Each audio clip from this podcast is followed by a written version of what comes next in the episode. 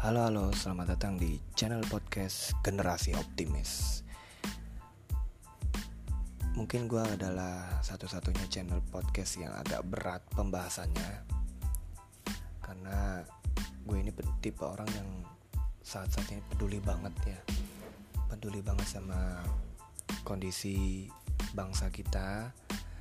Dan mungkin gue bisa menyalurkan aspirasi gue lewat podcast ini dan bisa didengarkan oleh banyak orang.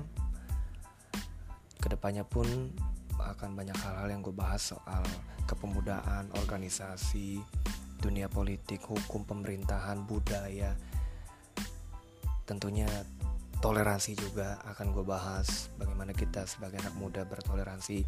Semua yang akan gue bahas ini di kita kita lihat dari sudut pandang anak muda kaum milenial yang penting banget buat kita supaya selain kita berkarir, selain kita menuntut ilmu, tetapi jangan lupa kita ini juga anak bangsa.